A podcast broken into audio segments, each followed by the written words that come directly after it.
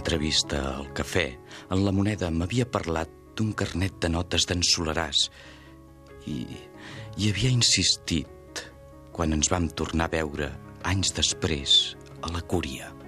Sí, t'ho vaig dir. Tens bona memòria. Si en guardo de papers vells dins aquest cofre. L'únic que no hi guardo és aquest carnet que dius. No el guardo per la senzilla raó que no ha existit mai. Aleshores, per què m'has fet pujar? Ja veig que em vols fer perdre el temps. Me'n torno. No siguis així, home. El carnet d'en Solaràs no existeix. És aquí que el guardo.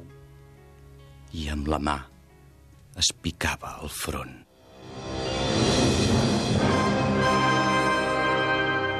Catalunya Ràdio presenta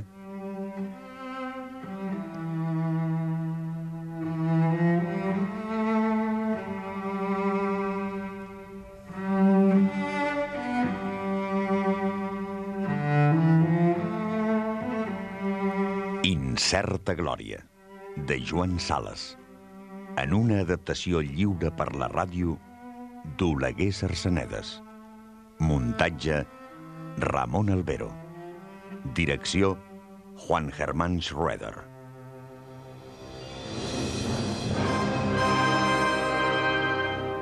Incerta Glòria, de Joan Sales. Una producció de Catalunya Ràdio amb el suport del Departament de Cultura de la Generalitat de Catalunya. Oi que et preocupa el teu cos? Uh -huh. Oi que l'alimentes cada dia?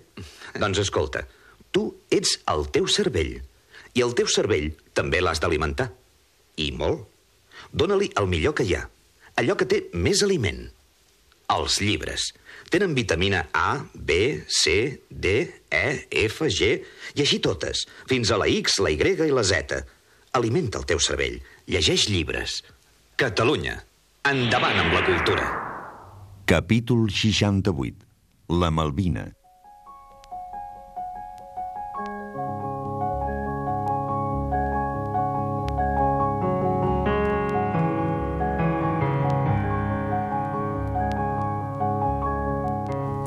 Cap necessitat que escrivís cap carnet en Solaràs. Des del moment que tot el que dèiem quedava enregistrat aquí dins del meu cap com en una cinta magnetofònica. Tinc una memòria prodigiosa, jo, Cruells. Tot m'hi queda gravat per sempre. En el nostre ofici, la memòria és la principal de les eines. I com la meva, modèstia a part. No n'hi ha potser cap altra en tot l'univers. Hm. Et podria repetir, per exemple, tot el que he sentit als passants del carrer Palai. T'ho podria repetir encara d'aquí un any i d'aquí vint. Ja veus, doncs, si em seria senzill recitar-te de memòria tal o tal tirada que en Solaràs va declamar en tal o tal ocasió.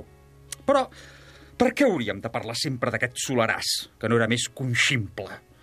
D'altra banda, no em vas dir que apenes el coneixies. Jo, saps, ja el coneixia des de l'any 30, de llavors que jo treballava en aquella farmàcia del carrer de Sant Pau. Això ja m'ho havies dit. Què més em vols saber? Sempre em deia coses pesades i jo aguantava, tu diràs, quin remei em quedava.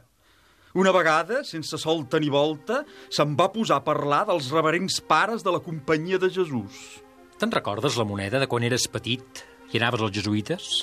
Com els reverents pares et posaven en guàrdia contra les tentacions que, segons ells, t'havien de venir després, quan fossis més grandet? I tu confessa-ho, ja esperaves amb impaciència el moment de presentar-se les famoses temptacions, no pas per resistir-les. Naturalment, resistir-les. Quina bestiesa. Naturalment. Seria una llàstima resistir una temptació quan tenim la sort que se'ns presenti. Però confessa-ho, no se t'han presentat mai fotudes temptacions tan pistonudes com imaginaves. Ah, tot arribarà. Encara sóc jove. Mm, ves esperant assegut. Pobra la moneda. Encara no has clissat que les úniques tentacions que valdrien la pena són precisament aquelles que no es presentaran mai. En la moneda va tornar a omplir de pernot les dues copetes i després de veure la seva d'una glopada es va estirar l'otomana. En aquesta posició, ajagut i mirant cap al mirall del sostre, es va estar tota l'estona. Em deia en Solaràs. Pobra la moneda. No ets més que un estendal. La meva tia, en canvi, no té res d'estandal, encara que sigui originària de Grenoble. Si jo li hagués dit, per exemple, que la Nati m'agradava, m'hauria respost tot simplement, doncs casa-t'hi. Quina, Nati? És el que vaig dir jo. I vaig afegir aquella de la foto, perquè en Solaràs guardava una foto de dona al fons de la seva maleta. Potser ja te n'havia dit alguna cosa. Eh, no siguis bèstia, la moneda. La de la foto és tot el contrari, com jo. Jo sóc el contrari, sempre tot el contrari. Al contrari de què? De tot. De l'Ibrahim, per exemple. Jo, saps, sóc completament imputable. Ja veus, Cruells, si em podia dir de bestieses. Vaig posar-me a calcular mentalment l'edat que podia tenir. Recordava que a les hores de la nostra entrevista en aquell cafè de la Ronda m'havia dit que acabava de complir els 50 com un imbècil. Podia tenir-ne, doncs, com a màxim... Et preocupa saber els anys que tinc? Era la primera vegada que em sorprenia endevinant el que jo pensava, com si m'ho llegís al front, i tanmateix no em mirava. Mirava el sostre. Et preocupa saber els anys que tinc? I bé, passo dels 60. Per què t'ho amagaria? No em fa pas vergonya. 60 anys ja no són res. Tot ha canviat, el món progressa. Avui en dia, 60 anys els té tothom. I a continuació va donar-me aquella notícia sorprenent. Era casat. S'havia casat feia poc més d'un any. Vaig pensar que si no em decidia d'una vegada, potser hi hauria imbècils que em dirien conco. Sí, et reservava aquesta sorpresa. Soc casat. És que no em creus? Ja sé que no. No em creu ningú. Per això duc sempre a sobre el certificat de matrimoni.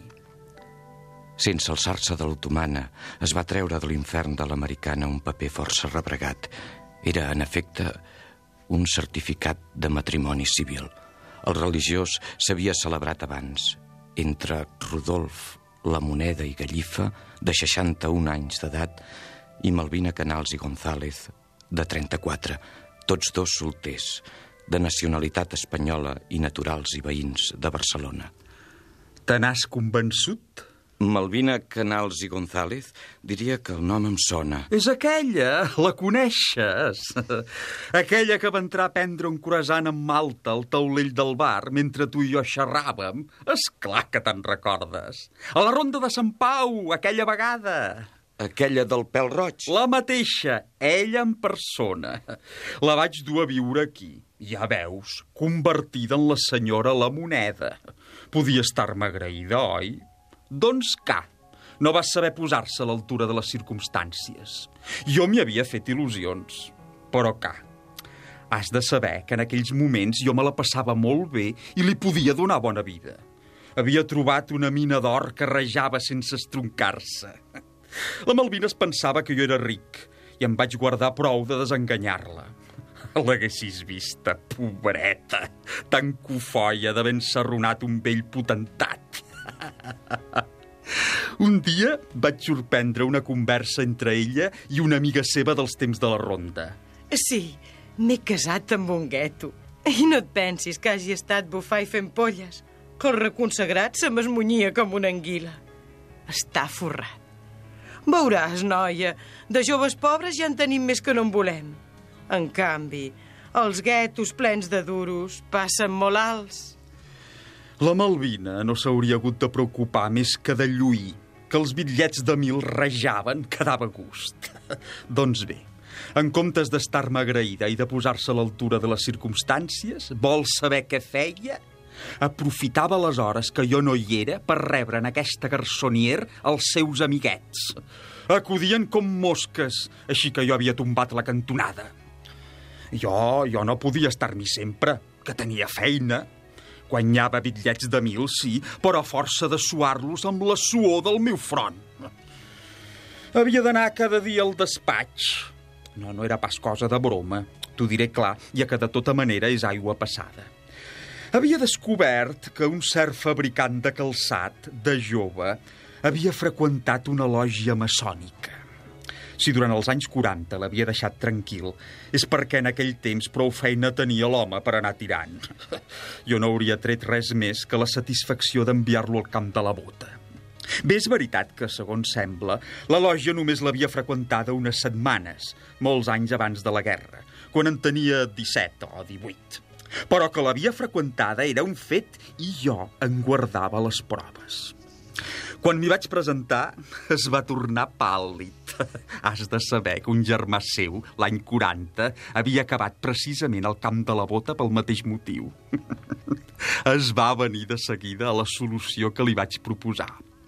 Jo m'estaria cada dia unes hores al seu despatx per controlar les entrades i sortides del negoci i cada mes tindria un tant per cent de la diferència. Es creia totalment a mercè meva i afluixava sense piular. Agraïdíssim de sortir-se'n només que amb bitllets de mil. Un dia em va insinuar que potser no calia que m'estigués tantes hores allí, al seu costat. I vam acabar decidint que amb un cop que m'hi presentés cada mes n'hi hauria prou. Jo m'hi presentava el dia últim i ell em donava un feix de bitllets. Ell em pagava religiosament, m'assegurava el tant per cent convingut i jo me'l creia. Me'l creia amb tota la bona fe. Aquesta bona fe que és el que sempre m'ha perdut. Doncs bé, la darrera vegada al costat del sabater i assegut precisament en aquella butaca que havia estat la meva, hi havia el cap de policia esperant-me amb un somriure que em va glaçar. El sabater havia acabat per fer el cop de cap d'anar-ho a explicar tot al nou cap de policia que ja no era dels nostres. Jo les hauria passades ben pusses sense el meu carnet, que té, mal m'estal dir-ho i modèstia a part, un dels primers números. No em van fer res en definitiva, però la mina d'or s'havia estroncat. Com a compensació, em van donar aquesta plaça que ara tinc. Una plaça de subaltern, misèria i companyia. Quan la Malvina va comprendre el canvi de panorama, quan a fi de més en comptes d'un feix de bitllets de mil n'hi vaig d'uns quants de cent i gràcies, se'm va clavar a riure als nassos. Sempre havia sospitat que eres un tifa. De manera que gueto i pobre. Arri allà! Per ballar la magra, prou que hi ha els joves. Encara bo que no he perdut del tot el temps. Et faig saber que t'he plantificat unes banyes tan prodigioses que no passaries ni pel portal major de la catedral. Oh, això em va dir, la molt imbècil. Es veu que es pensava que jo no en sabia res. Em prenia per un enze. I si parléssim d'en Solaràs? D'en Solaràs, altra vegada. Tu sempre amb en Solaràs, quina mania. Diastre de Solaràs. Ja ni em recordo on érem. Potser aleshores, que em va dir que era imputable?